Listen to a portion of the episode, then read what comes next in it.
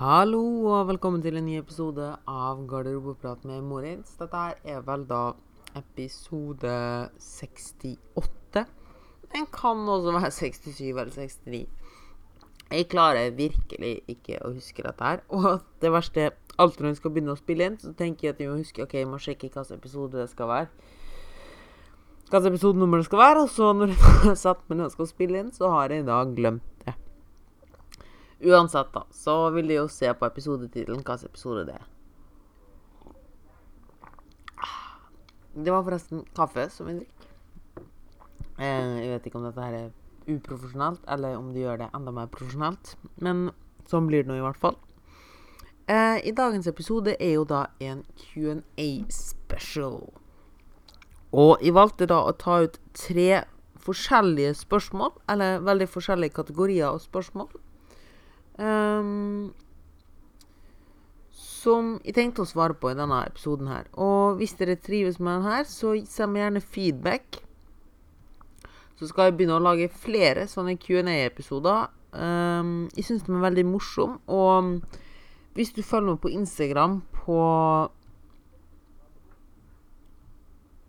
På mini-morimi, eller bare søk opp Mori som Sjæles, så har du kanskje lagt merke til at de ikke deler så mange pod, eh, sånne Q&As, eller at de ikke legger ut, og har noen Instagram-profiler som har veldig, veldig mange sånne her eh, spørsmålsstories, da. Eller eh, ja, historier på Instagrammen sin. Og det er veldig fint, det, men jeg føler at det er kanskje ikke det riktige formatet for å svare ordentlig på spørsmål. Det blir ofte veldig unyanserte svar. Og det er veldig lite plass til å utdype om svar, så det jeg heller tenker da, er at de skal begynne å ha jevnlige Q&As i podkast-format. Og hvis dere trives med det, så skal jeg prøve å ha det hver uke. Eller annenhver uke, litt ettersom åssen responsen er. Uh, for det her har jeg litt mer tid til å gå i dybden på spørsmåla og kan forberede meg litt bedre. Og ikke minst så vil også spørsmåla bli liggende her. Altså, du får jo da Spørsmåla er jo da i shownotesene, og når du da søker opp en episode, så vil det jo da komme opp da i episodebeskrivelsen. Um, etter tema og slike ting. Og hvis det er veldig populært, så kan vi etter hvert også ha temaepisoder med altså Q&As til diverse tema. Men i første episode nå så tenkte jeg å starte med et veldig et litt kortere spørsmål, og så to litt lengre spørsmål. Og Det første spørsmålet er om protein kan bli gjort opp til karbohydrat. Gjort om til karbohydrat. Um, og det enkle svaret på det er jo ja. Men det er ikke særlig effektivt. Um, det kalles glykogenese, og det er vel strengt tatt egentlig protein i muskler og mat som blir brutt ned, og så tar man ut karbohydrat derifra. Så det er mulig, men det er ikke særlig effektivt. Så hvis du skal ha raske karbohydrat, så er det ikke sånn du får det. Um, det er vel eh, Hvordan skal jeg forklare det? det tar, altså, du kan utvinne energi fra protein. Um, Så for å forklare det på en veldig veldig enkel måte, da, fordi jeg merker jeg hadde litt lyst til å nerde ut her um, Det at protein er bygd opp av aminosyre. Uh, og når vi spiser protein, så blir proteinet brutt ned til enkelte aminosyrer, og aminosyrene blir videre brutt ned.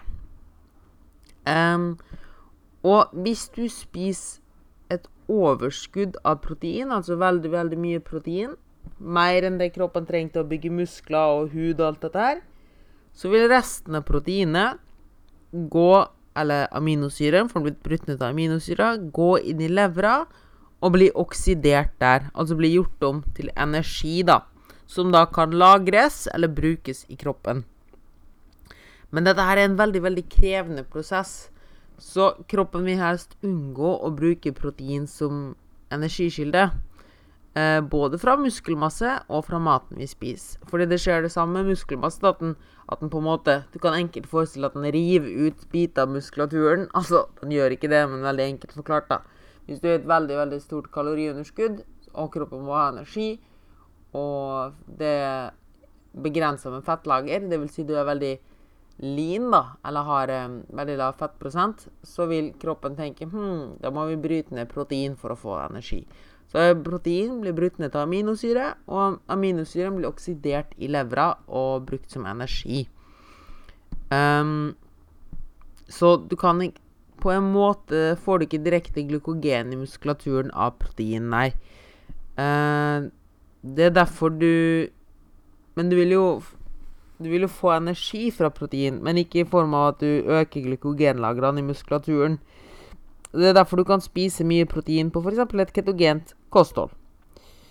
Um, uten at vi skal gå i dybden på det noe særlig.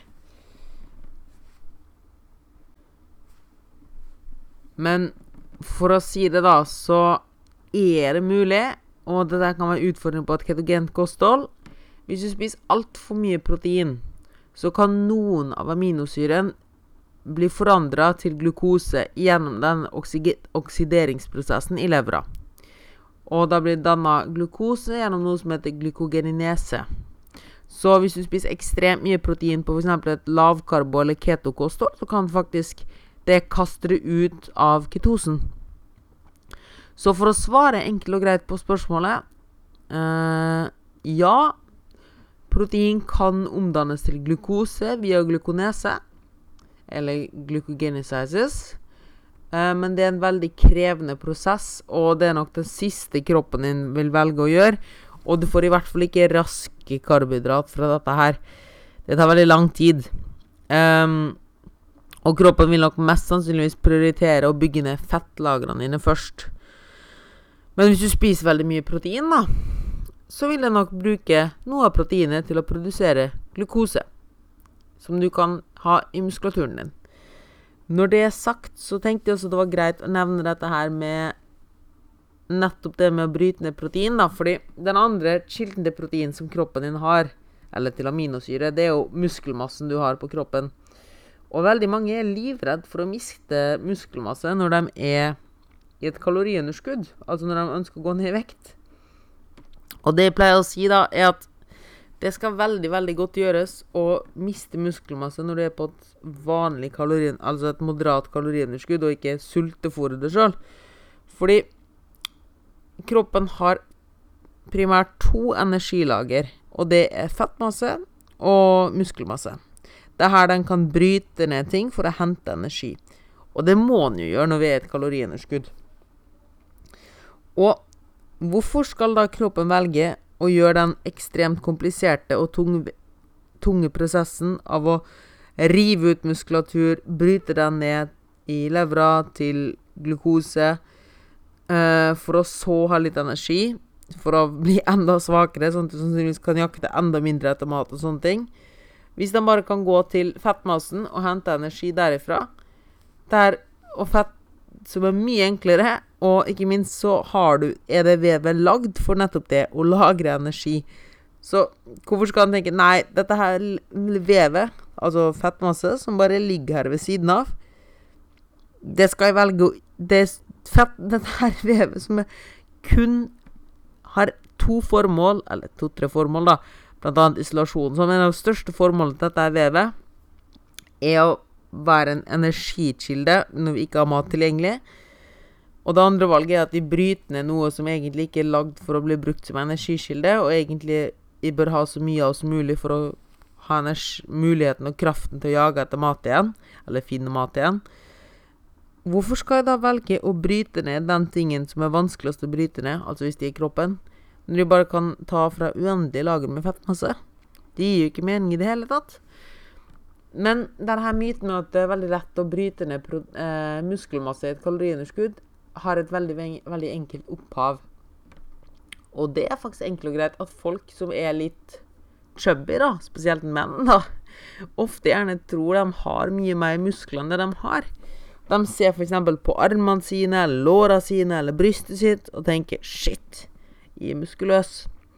Og så går de Men de har litt mye fett på kroppen i tillegg, da. Og så ønsker de å gå ned i vekt, og så går de ned ganske mye i vekt, kanskje. Og begynner å se mye, mye mindre ut. Og det de tror, er at de har mista massevis av muskelmasse. Men realiteten er kun at de har mista fettmasse, og at mye av grunnen til at de så store ut, var at det er altså en god del fettmasse i under huda, spesielt ved bryst, armer og slike ting. Så det var ikke ren og skjær muskelmasse som gjorde at eh, armene dine og brystet ditt så så stort ut. Det var rett og slett at det også var fett der. Og når du da går ned i vekt, da, så er det ikke det at du har brøt ned masse muskelmasse. Det du har gjort, er at du har fjerna fett fra de regionene, og nå er det faktisk bare muskelmasse der. Men folk tror at de hadde kun muskelmasse der fra før av. Og derifra tror de da at de har mista muskelmasse. Men i realiteten har de kun mista fettmasse. Så det var en liten sånn tangent på den der. Eh, spørsmål nummer to jeg ønsker å ta opp i dag. Det var forresten et veldig fint spørsmål. Jeg håper at det ikke nerda ut for mye, og at du fikk sånn halvveis noe ut fra svaret. Eh, men for, uthold, for, å si det sånn, da, for en utholdenhetsutøver eh, som vil ha på plass fylle opp karbohydratlagrene sine, nei, glykogenlagrene sine i muskulaturen, så er det nok ikke protein dere bør gå for. Og nummer to Har du noen, noen eksempler på hvor du har tatt minste motstands vei? du mener hver dag? Nei da. Men um, hele premisset mitt, eller hele mitt motto, er jo KISS, altså Keep it simple stupid. Og jeg tenker at man bør alltid gå minste motstands vei når det er mulig. Uh, det er jo ikke vits å bare jobbe meningsløst, bare jobbe hardt for å jobbe hardt. Du vil jo få mest bang for your buck. Um, og det betyr ikke at du at du ikke skal stille deg sjøl krav og slike ting. Det er ikke det jeg mener. Men bare gjøre noe tungt bare før det er tungt på måfå, den, den ser ikke helt. Um, minste motstands vei. Jo, jeg har et veldig, veldig godt eksempel på det. Før så trodde jeg alltid at jeg måtte, når jeg skrev et Instagram-innlegg, at jeg alltid måtte starte fra scratch. Jeg måtte alltid starte et nytt innlegg, helt nytt, og finne på hjulet på nytt. Og det er egentlig utrolig tungvint. Det som er mye lettere, er å bare ta gamle innlegg, copy-paste dem fra før, og så skrive et nytt innlegg rundt det, og gjøre det bedre og bedre og bedre. Så basically så trodde jeg at jeg aldri kunne republisere ting jeg hadde publisert før, og at det alltid måtte være noe nytt. Men realiteten er jo vi kan publisere det igjen, men gjøre det på en bedre måte. Så i stedet for at du må skrive en helt ny artikkel om samme tema, tar inn gamle artikkelen og forandrer den, gjør den bedre. På denne måten blir innleggene mye, mye bedre for hver gang. Fordi jeg lager dem Ja, fordi jeg bare forbedrer dem fra hver gang jeg har modna. Og tweaker dem litt for hver gang. Og utvikler innholdet på den måten. Og jeg sparer masse, masse tid. Andre ganger da jeg velger minste motstandsvei, jo, det er jo på kjøkkenet. Jeg bruker nesten alltid bare one pots. Altså at jeg steiker ting i én ting. Jeg bruker veldig lite tid på å designe ting. Eller liksom at det skal se fint ut når jeg spiser. Um, andre ting Jeg er veldig ærlig. Jeg tar opp konflikter veldig fort og sier fra når jeg er ukomfortabel. Og det er nok kanskje en av de største egenskaper, og kanskje noen vil si at det er feig. Men jeg er veldig fort å å si fra når jeg ikke trives med å være med noen, eller når jeg ikke orker å være med noen, eller når jeg ikke orker å gjøre noe. Det er veldig mange andre kanskje bare Nei, jeg må være med på dette her, men jeg har egentlig ikke lyst. Så sier jeg heller bare Nei, jeg har ikke lyst. Og det må ikke nødvendigvis være personen sin feil. Da er jeg veldig tydelig på å si at det er ikke noe som er feil med det, jeg har bare rett og slett ikke lyst. Og siden jeg har lagt lista på det nivået, da, at de bare er dønn ærlige om sånne ting, så skjønner folk også at å ja, men det er jo ikke noe med mer personlig. Det er bare at vedkommende ikke har lyst. Um, Kjenn på noen andre steder der jeg har hatt minste motstands vei. Altså, her er det jo enkelt og greit å ta minste motstands vei i stedet for å kvele med henne med her kveld. Så bare sier de nei takk, i stedet for å fake et eller annet. Um, minste motstands vei. Det er litt vanskelig å si hvordan jeg skal tolke det spørsmålet. Men generelt så Jeg tror at uten å komme med noen flere eksempler, så tror jeg at det alltid er best å ta minste motstandsvei. For da kan, du, da kan du, i stedet for å tenke nei, jeg bare skal gjøre dette på måfå for å gjøre det litt tyngre, så kan du heller øke lista, da. Eller heve lista, sånn at du med minste motstandsvei gjør en jobb der du føler at du gjorde en god jobb og er fornøyd, og at det krever noe av det, for da kan du jo heve lista. I stedet for å gjøre noe som egentlig er litt for lett, eller egentlig kunne gått mye fortere, men du velger å gjøre det på en tungvint måte bare for å gjøre det på en tungvint måte. Bare for å utfordre deg sjøl. Fordi jeg er veldig for at du skal utfordre deg sjøl, og det er veldig fint å utfordre deg sjøl, men å bare gjøre det på måfå, den ser jeg ikke helt, altså. Det er litt sånn som Eksempel, da, er jo for eksempel å bruke Ja, la oss ta løping, for eksempel, der du du, noen begynner å løpe med vektvest eller sånn her pustemaske. Og her så vil du gjøre det mer tungvint å løpe. Og greit nok, det du gjør, det er tungvint, og du øver jo på å pushe det sjøl. Men hvorfor ikke bare gjøre det så lettvint som mulig? Altså løpe uten vektvest og løpe uten oksygen, eller sånn der pustemaske, som forresten ikke har noe som helst effekt. Hvorfor ikke bare løpe fortere? Ikke sant? Få mer arbeid gjort. Um, hvis du skal f.eks. skrive noe, da um, Og du kan ha valget mellom å skrive på PC eller for hånd og du velger å skrive for hånd bare for å gjøre det mer tungvint for deg sjøl, hvorfor ikke heller, på, heller, skrive på PC, men bruke mer tid etterpå? Skrive én, en lengre artikkel, eller bare Eller hva du skal skrive. Eller to eh, Ja, eller to bare i stedet, ja, Hvorfor ikke bare skrive en lengre artikkel, bruke mer tid på retting, chille og sånne ting, i stedet for å kaste bort tida på å gjøre det på en tungvint måte som å skrive for hånd? Enda et eksempel med kosthold. Um, hvorfor bruke en haug med tid på å lage en krydderblanding for tacokrydder på egen hånd, når du, som da gjør at du ikke har tid til å foodpreppe lunsjen neste dag, i stedet for bare å bruke tacokrydder kjøpt i butikken, og så ha massevis av tid til å foodpreppe neste dag, eller nyte maten mer. Det er sånne ting at jeg tenker man bør alltid velge minste motstandsvei så lenge den gir samme kvaliteten. Og da heller bruke den sparte tiden eller den sparte energien på å gjøre mer av det gode arbeidet. Eller andre ting. Og det gjelder alt. Så jeg er veldig for KISS-regelen. Keep Keep it stupid simple. Men jeg har genuint et inntrykk av at det er veldig mange som gjør ting tungvint bare for å gjøre det tungvint. Bare for å bevise seg sjøl ting. Og jeg har nok vært der veldig mye sjøl, at jeg tenkte at nei, må gjøre det sånn her. Må gjøre det sånn. Må gjøre det sånn.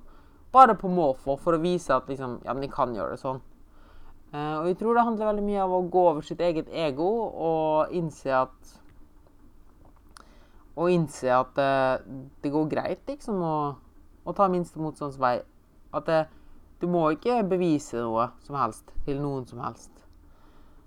Et siste eksempel er jo det å ha en PT eller en kostholdsveileder. Eller generelt be om hjelp. Hvis det er noe du ikke er flink til, eller noe du ønsker å ha hjelp med, hvorfor ikke bare be om hjelp og spare tid, i stedet for å på pur faen prøve å få det til helt alene, men så får man det egentlig ikke helt til. Jeg skal for søren meg heller ikke legge fiberkabel i egen leilighet og kaste bort tid på det. Vet du hva jeg gjør da? Da går jeg minste motstandsvei og bestiller en ekspert på feltet. Men det er på en måte litt sånn janteloven i Norge at alt skal fikses sjøl. Og det er jeg veldig imot. Hold det på det du er flink til, utfordre gjerne på noen ting, men gjør det på den mest effektive måte. Det er faktisk ikke feil å be om hjelp. Ulike folk er flinke på ulike ting. Og vi har alle forskjellige interesser. Eh, siste her er Hvis man har et høyere kalorioverskudd Å ja, nei, hvis man har eh, hatt Hvis man har vært ute en dag da, og spist veldig, veldig mye Nå var det 17. mai. Og spist 2000 kalorier i overskudd. Hva bør man gjøre da neste uke? Um, og jeg tenkte å ta dette fra litt forskjellige vinkler. Den første vinkelen er jo det at vedkommende er på et vedlikehold til vanlig, så spis 2000 kalorier mer. Og hvis du da ønsker å ikke legge på det, da, eller for å si det sånn, så har du jo nå spist 2000 kalorier mer. Og disse vil jo lagres som fett og eventuelt muskelmasse. Og hvis ønsket ditt er å holde vekta, så bør du nok justere for dette her på sikt. Spesielt når det var såpass mye. 2000 kalorier, det er nesten 300 gram med fettmasse. Og én gang er selvfølgelig ikke et problem. Men hvis det skjer ofte, da, så er det greit altså med selskap og sånne ting, så er det greit å få inn som en vane at dette er noe man må justere for. Fordi det går helt fint å kose seg. Det er ikke sånn at du legger på det bam, spontant. Um, og vedkommende spør da om bør justere kaloriene i etterhånd. Og ja, det tenker jeg. Og hvis du spiste 2000 kalorier for mye, så er det faktisk bare å spise 200 kalorier mindre i de, to, nei, i de ti neste dagene så har du fjernet dette her igjen. Jeg vil ikke anbefale å ta en drastisk kutt der du fjerner 500 kalorier de neste dagene. Det vil nok ikke gå så veldig bra. Men å justere litt for det på lengre sikt kan nok være veldig lurt. For å komme på balansen igjen. Og det er akkurat samme gjelder underskudd òg. Uh, eh, hvis du vil ha et uken... Altså, tenk litt langsiktig perspektiv. Du må ikke alltid bare tenke dag for dag. Og gjerne tenk ukeskalorier eller til og med månedskalorier, men det blir veldig vagt. Så tenk hvor mye kalorier kan du spise i løpet av uka, og få det til å stemme. Um, for å komme et Ja, så i dette her eksempelet, da, så hadde hun, tok hun 2000 kalorier for mye. Da har hun 2000 kalorier hun må nedbetale. Når hun gjør det, i hvilken tidsramme, det har ikke så mye å si. Men jeg finner kanskje type bruke én til to uker på å nedbetale den gjelda igjen, da, i stedet for å regulere for det veldig fort. Um, for det som skjer da, er at vi blir kasta ut av rutinene våre og risikerer å falle av, eller at vi skaper for mye uro til at vi da faller vi igjen. Og ikke minst så sender det et litt dårlig signal at vi skal straffe oss neste dag. Det, jeg liker ikke den tanken om at du liksom skal straffe deg neste dag bare fordi du har kost deg. Det sender et dårlig signal, og det sendes ut som om du har gjort noe feil og dårlig. Og neste gang så gruer du kanskje til et selskap eller noe sånt, fordi du vet at de neste dagene blir helt jævlig. Og når du vet at de neste dagene blir helt jævlig, så tenker du gjerne ja, men da skal jeg faen meg heller fråtse enda litt mer nå.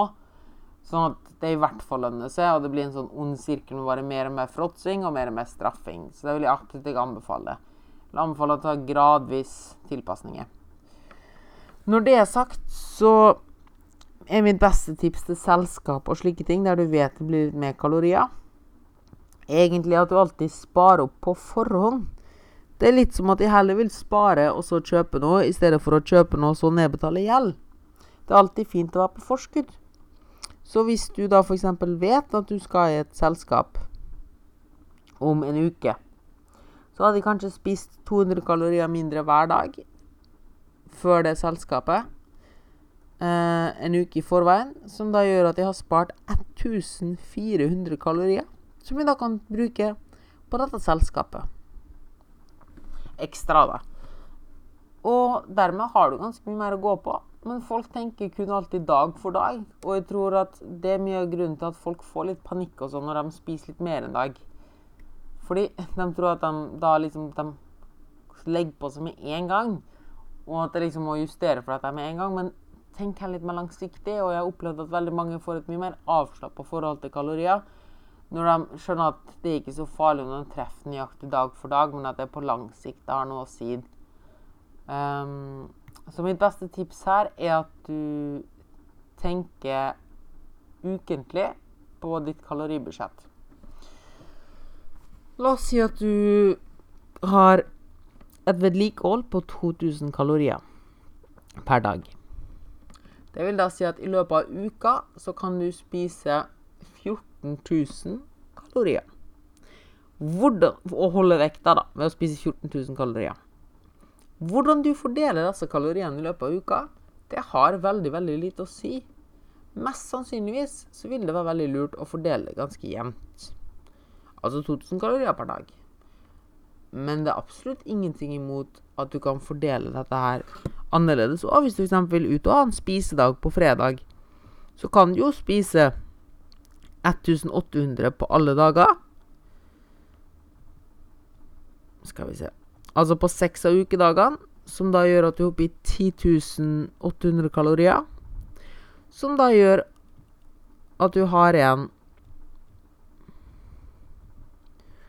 3200 kalorier, som du da kan spise på spisedagen din. Så sånn her kan du justere ting litt frem og tilbake.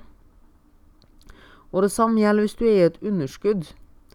La oss si at du vil gjøre ting ganske drastisk og ha et daglig underskudd på 500 kalorier, da. Så du spiser 1500 kalorier per dag. Da har du et ukesbudsjett på 10 500 kalorier. Hvordan du fordeler dette dag for dag, er helt opp til deg sjøl. Om du har et litt mindre underskudd en uke, så går det også helt fint. Om du nå har dette Hvis du nå sier at 1500 det er det du ønsker å ligge på, da har du nesten Oi. Uh, sorry, sorry, sorry. Ja, da har du 3500 kalorier underskudd i uka, som er et halvt kilo ned. I uka. Om det er en uke der du bare har 2000 i underskudd, så er det fortsatt et underskudd. Men du har faktisk spist nesten 1000 kalorier mer en dag. Og det er veldig vanskelig å gjøre dette og liksom gjøre det billedlig med tall og slikt. Men det jeg prøver å komme frem til, er at det at du spiser mer én dag, har veldig, veldig lite å si. Og det beste du kan gjøre hvis du vet at du skal ut i et selskap, det er at du i, ti, i forveien sparer litt og litt kalorier i stedet for mye en dag eller mye etterpå. Og hvis du spontant kommer i et selskap, så aksepter det. Få oversikt over hvor mye du ca. spiste for mye i forhold til det du pleier å gjøre. Og så regner du ut hvor mange dager du nå skal ligge i et underskudd, eller spise litt mindre, for å gjøre opp igjen for den gjelda di, da. Det vil være en mye bedre måte å gå frem på, i stedet for å få total panikk og trene ekstremt mye dagen før eller dagen etterpå. Mest sannsynligvis kommer det bare å øke Mest sannsynligvis kommer du ikke til å klare å spare opp alt på en dag, eller de to dagene. Og det, hvis du klarer det, så vil det kjennes helt jævlig. Og det vil mest sannsynligvis øke sjansen din for at du A. Feller av hele greia. Og du får et veldig ambivalent forhold til det hele, der du liksom du assosierer kos med straff og slike ting. Nei, at det liksom Ja, at, at det blir et veldig sånn svart-hvitt-tankegang. da At liksom, hvis du skal kose deg, så må du straffe det. Og siden du må straffe det, kan du like godt kose deg enda mer. Når du vet at det du forsyner deg ekstra, må du uansett nedbetale i moderate mengder, så er det også mye lettere å ikke tenke svart-hvitt og tenke Det er ikke sånn at OK, hvis vi først går over bord, så kan det gå fullt over bord, så vi skal straffe meg sjøl. Du kan heller tenke mm, jeg går litt over bords, men jeg gjør det ikke totalt hjernedødt, for da må jeg jo nedbetale gjeld enda lengre. Uh, jeg håper at det gir litt mening. Og hvis dere likte denne eh, Q&A-formen, og vil ha flere av dem, eller ha feedback til hvordan jeg kan gjøre det på en annen måte Og jeg skal gjerne, hvis dette blir en fast ting, skal jeg gjerne forberede meg litt bedre på episodene, og komme med litt bedre svar, for de følte kanskje det ble litt for vagt. Men hvis dere likte at det ble litt sånn vagt, så setter jo pris på det òg. Men de kan også svare meg konkret hvis dere ønsker det. Så jeg setter veldig stor pris på feedback. Send gjerne inn dine spørsmål på moritz.pdservice.no, eller bare legg dem i spørsmålsboksen på Instagram. Så svarer jeg på dem anonymt når det skulle være aktuelt med en ny episode. Og alt de står igjen med å si da, er gå og ha en awesome uke. Tullu!